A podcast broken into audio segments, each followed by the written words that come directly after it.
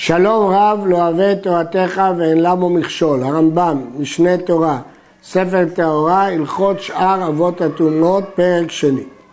בהמה או חיה טמאה שנשחטה אינה מטמאה משום נבלה כל זמן שהיא מפרכסת עד שתמות או עד שיתיז את ראשה, והרי כאוכלים טמאים.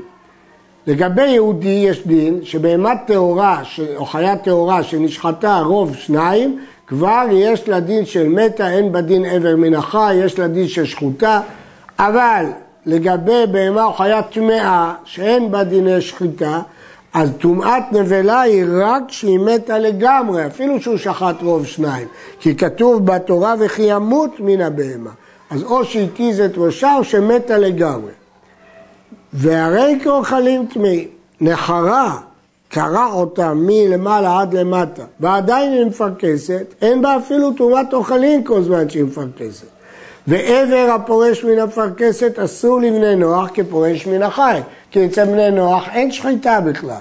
ולכן בהמה מפרכסת, לא משנה מה המצב שלה, כל עוד היא לא מתה זה עבר מן החי. שלא כמו אצל יהודי בבהמה טהורה שאחרי רוב שניים זה כבר לא עבר מן החי. אבל אצל בן נוח, בשרה הפורש ממנה כפורש מן החי. וכן טהורה שנפסלה בשחיטתה, ועדיין היא מפרכסת, היא בעצם נבלה, כי השחיטה ניבלה אותה, שחט בה אחד או רוב אחד, אין בה טומאה כלל עד שתמות. חילק הבהמה לשניים, זה נקרא גיסטרה, חילק אותה לשניים, או שנתלה ירך וחלל שלה, זה כבר נקרא מתה. הרי זו נבלה, רואים אותה כמתה, ומטמאה במגע ומסף על פי שעדיין היא בחיים.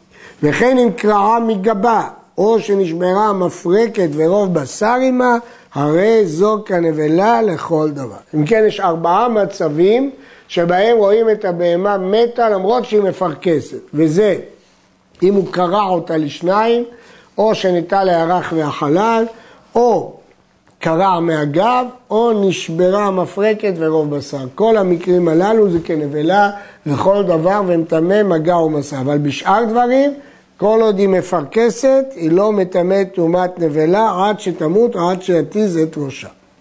בהמה שמת עוברה בתוך מאיה, והושיט הרועה את ידו ונגע בו. הרועה נגע בעובר. בין בבהמה טמאה, בין בבהמה טהורה, הרי זה הנוגע טהור עד שיצא הנפל לאוויר העולם.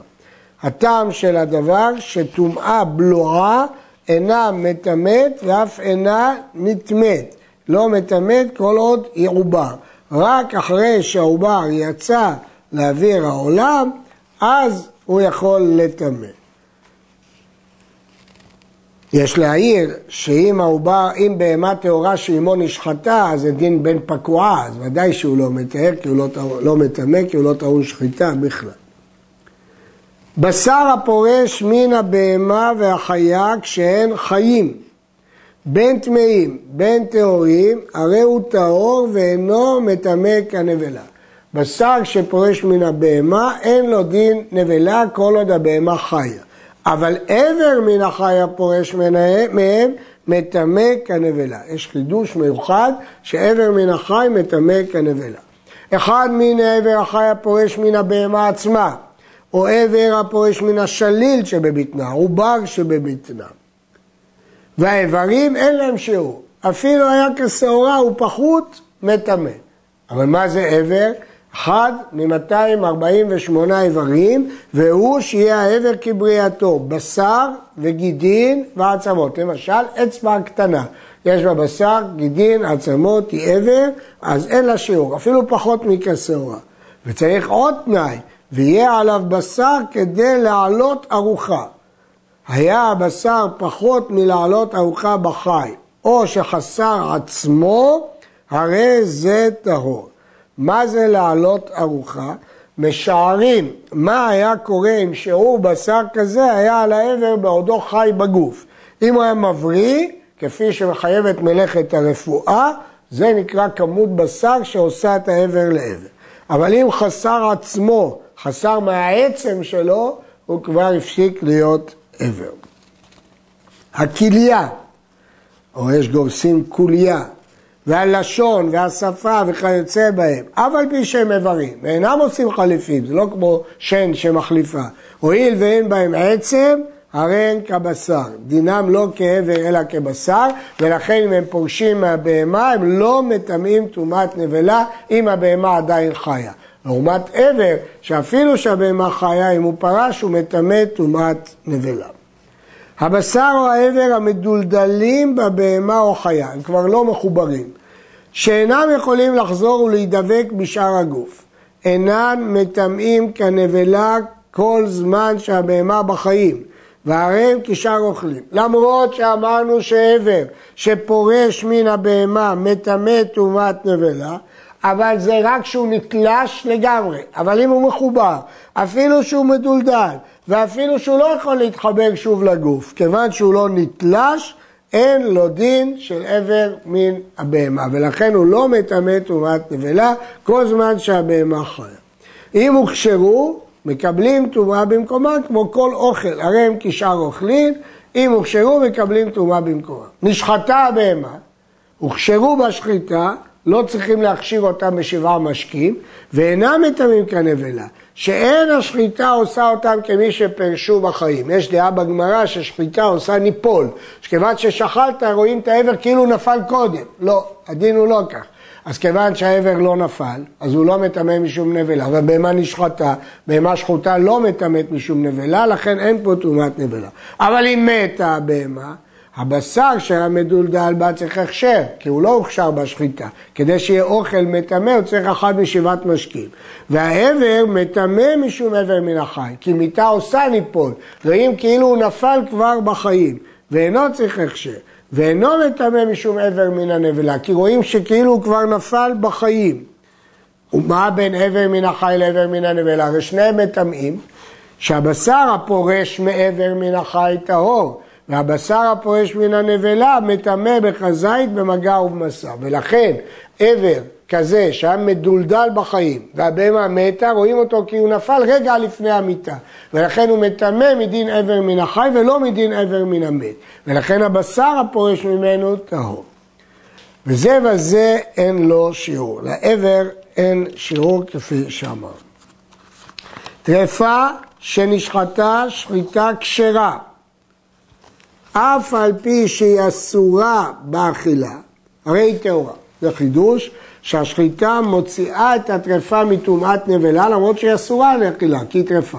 להדגיש, זה לא נבלה, שחיטה כשרה לחלוטין, רק חסר עבר בבהמה. וכן השוחט את הבהמה ומצא בה עובר מת, שחיטת אמו מטהרתו מידי נבלה, כי הוא חלק מהבהמה. כמו שכל הבהמה היא לא נבלה, גם העובר, למרות שהוא מת, הוא לא נבלה. מצא בה בן שמונה, בבהמה גסה, בן שמונה חודשים, חי ונטרף, אף על פי שנשחט אחר שנטרף, אין שחיטתו מטהרתו מידי נבלה. פה יש חידוש. למרות ששחיטה תמיד מטהרת, פה לא. לפי שאין למינו שחיטה. כיוון שאין מציאות של שחיטה בין שמונה חי שנטרף, כי בין שמונה אין אסור באכילה, אז לכן הוא לא מותר באכילה, כי הוא בחזקת נפל. לפיכך, ולד בהמה שלא שעה שבעה ימים גמורים, שאסור לאכול כי הוא נחשב לנפל עדיין, אם שחטו בתוך שבעה, אין שחיטתו וטהרתו, מפני שהוא כנפל, ואין שחיטה בנפלים, ולכן זה מטמא טומאת נבלה. יש שהקשו שהרי זה רק ספק נפל, אנחנו לא בטוחים שזה נפל. אז אם כן, למה הוא מטמא? אז לכן יש שאומרים שהוא מטמא רק מדי רבנן ולא מדי אורייתא. השוחט את הבהמה, הוא מצא בה בית תשעה חי, הוא בר חי. הוא מותר בשחיטת אמו, הוא לא צריך שחיטה. קודם שיהלך על הקרקע, הוא לא צריך שחיטה. אף על פי שאינו צריך שחיטה, כמו שביארנו ששחיטת אמו מטהרתו, הוא מותר באכילה. אם נטמאת אמו, לא נטמא הוא. למרות שהשחיטה של אמו הועילה לו, אבל הוא לא נחשב חלק ממנה. ואם היא נטמאת, הוא לא נטמא. ואם נתנבלה אמו, הרי הוא טהור, כי הוא חי, עצמאי. למרות שהוא מותר בשחיטת אמו, רואים אותו כחי עצמאי.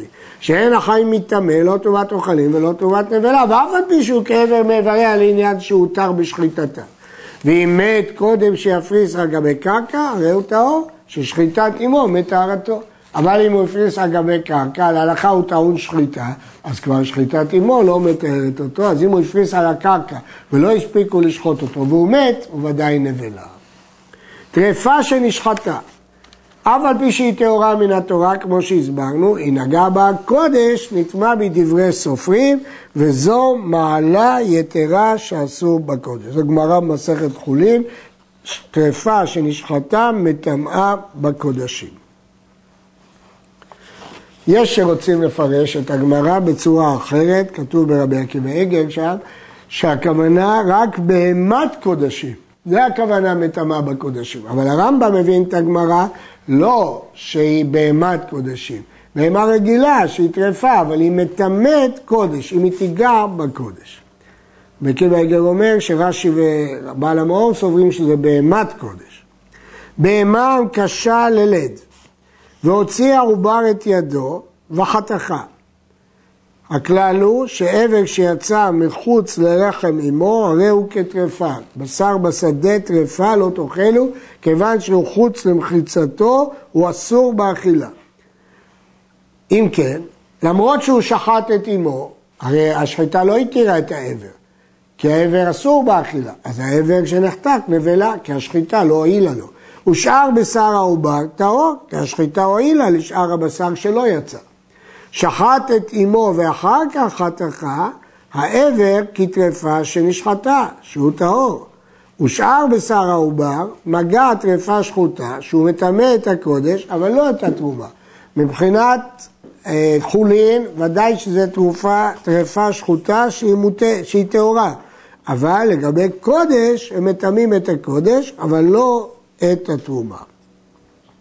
הוציא העובר את ידו בין שחיטת סימן לשחיטת סימן וחתכה, מצטרף שחיטת סימן לסימן לתאר העבר ידי נבלה.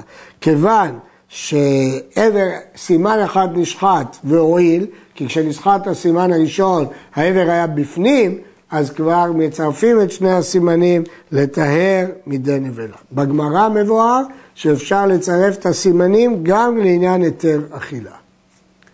שחיטת הנוכרי, נבלה, ומטמאת במסע, כי אין לה דין שחיטה.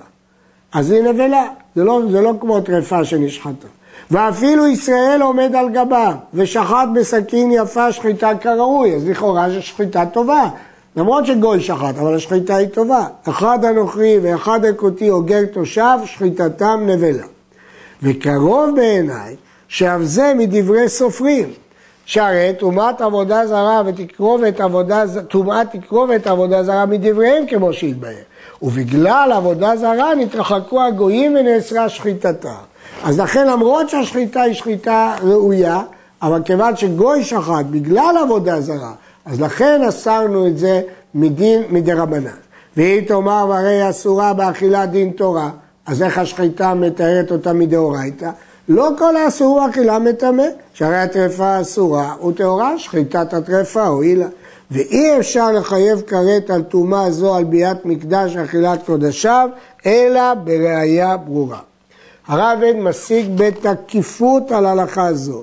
אומר אין סברה פחותה מזו, כי הגויים לא מטמאים ולא מטמאים, אין הגויים כמר מדלי ואת כולם יישא הרוח. והחושב אותם לכלום אסף רוח וחופניו. לפי דברי הרייבד, שחיטת הגוי היא כלום. אי אפשר בכלל להחשיב אותה כשחיטה. כולית הנבלה, הנוגע בה או נושאה, טהור. שכל דבר מן הנבלה שאינו מטמא במגע, אינו מטמא במסע. כולית היא עצם הירך שבראשה יש צורה של כדור סגור משני צדדים, אבל בתוך יש מוח. העצם מצד עצמו אינו מטמא. אם העבר עדיין שלם ובריא הוא מטמא מטעם עבר, אבל הכולית לא מטמאת כי היא סגורה. נקבע כלשהו, הנוגע בה או נושאה טמא. אם היא נקבע, אז כבר אפשר לגוע בה. אז הנוגע בו נושאה טמא. במה דברים אמורים? שהיה המוח שבה מתקשקש, שהרי אינו מעלה ארוחה. אבל אם היה עומד במקומו, אם יש בו כדי להעלות ארוחה לעצם מבחוץ, הרי זו מטמא במגע ומסע ככל האיברים. אמרנו שאם יש עבר שיש עליו בשר כדי לעלות ארוחה, הוא מטמא מדין עבר. וכבר פירטנו שהקולית היא העצם הסתום משני צדדיו. קולית שחשב עליה לנקבה ועדיין לא נקבה, הרי הנוגע בה ספק טמא, שהרי יש בדבר ספק אם מחוסר נקיבה כמחוסר מעשה או אינו כמחוסר מעשה. ולכן, כיוון שיש ספק, אז זה ספק טמא. בגמרא הסתפקו בשאלה זו, ובגרסתנו פשטו שמחוסר נקיבה לאו כמחוסר מעשה. ייתכן שלרמב"ם הייתה גרסה אחרת בגמרא, ואולי הוא שמח על גמרא במסכת זבחים ק"ה שמשמע ממנה להפך. לכן פסק הרמב"ם שזהו ספק. עד כאן.